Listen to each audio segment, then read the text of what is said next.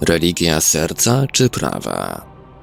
Kwestią wiary pozostaje, czy męczeńską śmierć Jezusa uznać za jego oczywistą porażkę czy zwycięstwo. Do tej samej sfery należy przypisać uznanie za fakt zmartwychwstania, które stało się fundamentem religii chrześcijańskiej. Jedno wszak nie podlega dyskusji. Nazarejczyk był człowiekiem wrażliwym na ludzką niedolę i przez całe życie walczył z niesprawiedliwością, formalizmem oraz głupotą.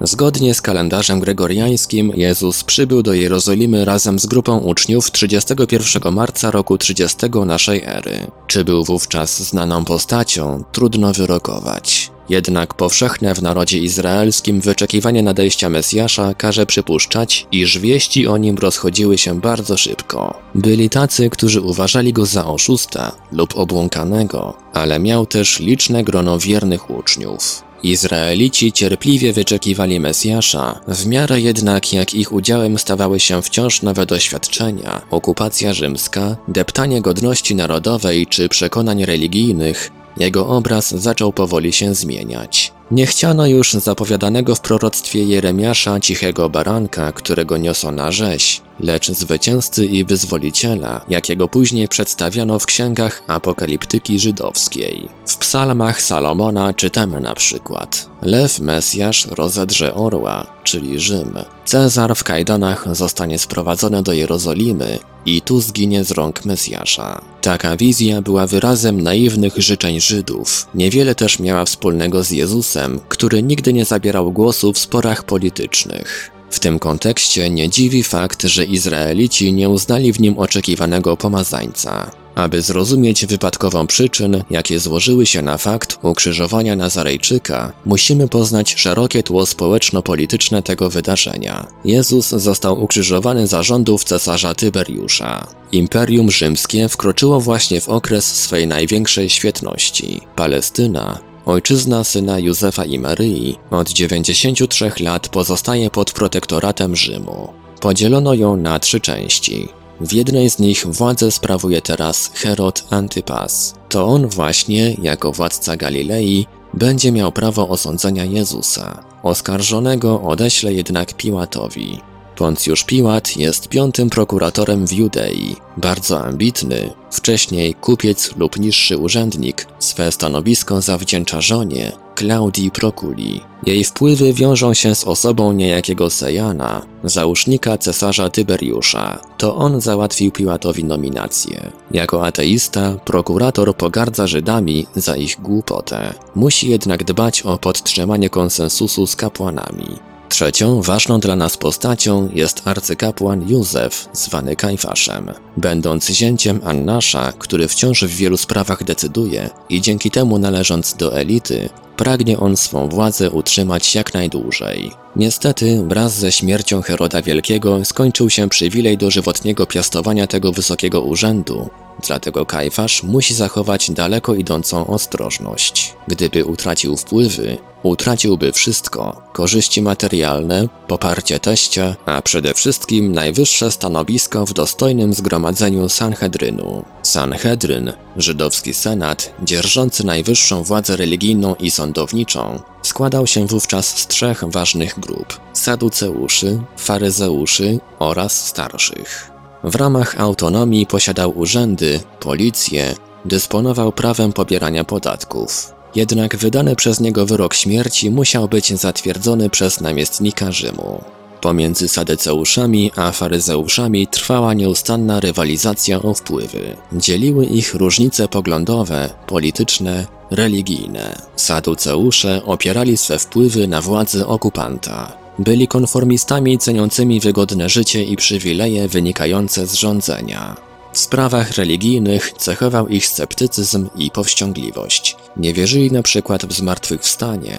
W życiu hołdowali filozofii pokrewnej epikureizmowi. Faryzeusze wyróżniali się ścisłym przestrzeganiem czystości rytualnej, przepisów prawa oraz nakazów tradycji ustnej. W odróżnieniu od sadyceuszów traktowali tradycję na równi z Torą. Nazywali siebie nauczycielami ludu, lecz jednocześnie pogardzali tłuszczą za nieznajomość litery prawa, czyli nieczystość. Będąc prawodawcami, ogłosili niezliczoną ilość nakazów i zakazów, w konsekwencji obejmując nimi prawie wszystkie dziedziny życia. Saduceusze nie znajdowali poparcia wśród ludu, który świadomy narodowej odrębności nie pochwalał kolaboracji z Rzymem. Faryzeusze, choć pełni pychy i hipokryzji, mieli autorytet wśród mas. Największym zaufaniem cieszyli się jednak uczeni w piśmie i kapłani. Łupiony przez teokratycznych władców, Ogłupiany naukami faryzeuszy, lud żydowski próbował zachować godność, chroniąc się w religię i mesjanizm. W czasach Jezusa działało kilkanaście sekt religijnych, charakteryzujących się własną doktryną i wewnętrzną organizacją.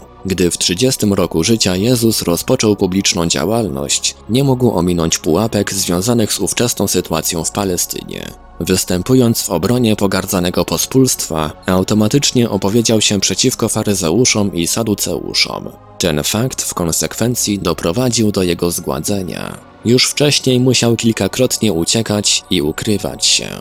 Był śledzony, próbowano go ukamienować, ale nienawiść jego wrogów rosła, tak że w końcu nasycić mogła ją tylko śmierć na krzyżu, przeznaczona dla niebezpiecznych przestępców.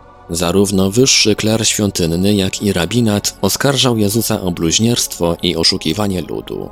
Kapłani nie chcieli darować mu wypędzenia kupców ze świątyni, uczeni nieprzestrzegania szabatu. Pełni zachwytu prości ludzie, którzy kiedyś pragnęli obwołać go królem, zobojętnieli, dając posłuch propagandzie faryzejskiej. Propagowana przez Jezusa religia serca przegrywała, ustępując miejsca wszechobecnemu prawu. Na krótko przed świętem Paschy w Judei wzrosło napięcie polityczne. Powodem tego był pucz zorganizowany przez Żydów, a krwawo stłumiony przez Piłata. W ten sposób naród żydowski manifestował swą wiarę, że już wkrótce powstanie Królestwo Izraela. Oznaczało to, że Jerozolima w każdej chwili może zamienić się w beczkę prochu. Jakby tego było mało, w Rzymie nieoczekiwanie stracono Sejana. Oprócz prokuratora, związany był z nim również Kajfasz i Herod Antypas. Zniknął możny protektor dający komfort bezpieczeństwa. Z tego powodu cała trójka mogła liczyć już tylko na siebie. Arcykapłan bał się, że nowy, propagowany przez Jezusa ruch mesjański może stać się przyczyną zamieszek. Sprzyjała temu zarówno liczna obecność pielgrzymów, jak i samo święto, w symboliczny sposób odwołujące się do uzyskania niepodległości. Gdyby Rzym dowiedział się, że sytuacja tu jest mało stabilna, Kajfasz mógłby podzielić los Sejana. Należało działać szybko i skutecznie. Jak jednak aresztować Jezusa, by nie stało się to w świątyni, gdzie jego zwolennicy zapewne wystąpią w obronie swego nauczyciela? W tym miejscu na scenę wkracza Judasz. Trudno dziś ustalić motywację, która pchnęła go do takiego postępku. Chęć zysku?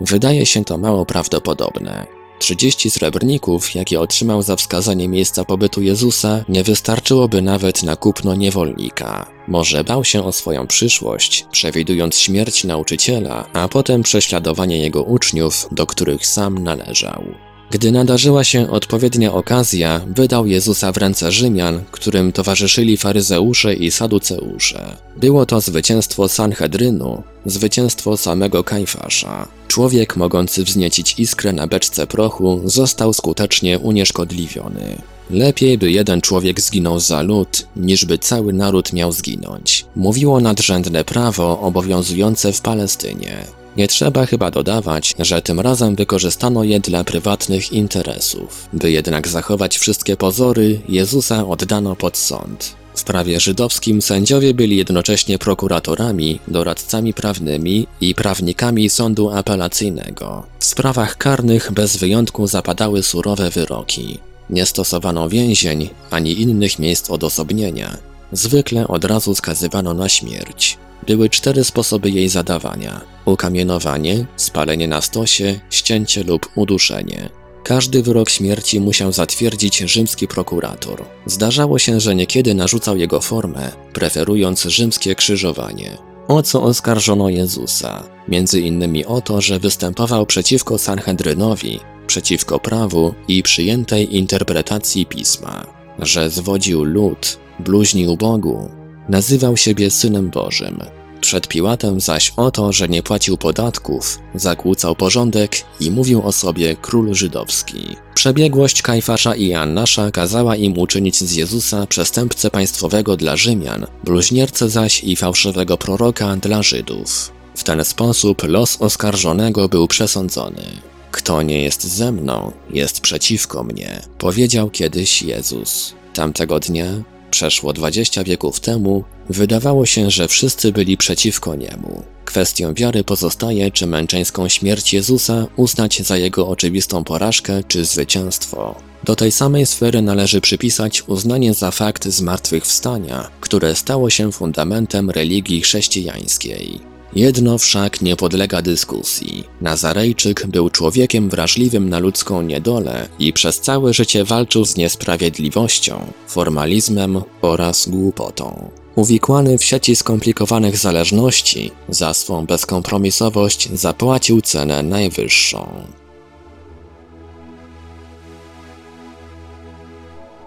Autor Wojciech Chudziński. Opublikowano za zgodą autora na łamach portalu Infra. www.infra.org.pl Czytał Ivelios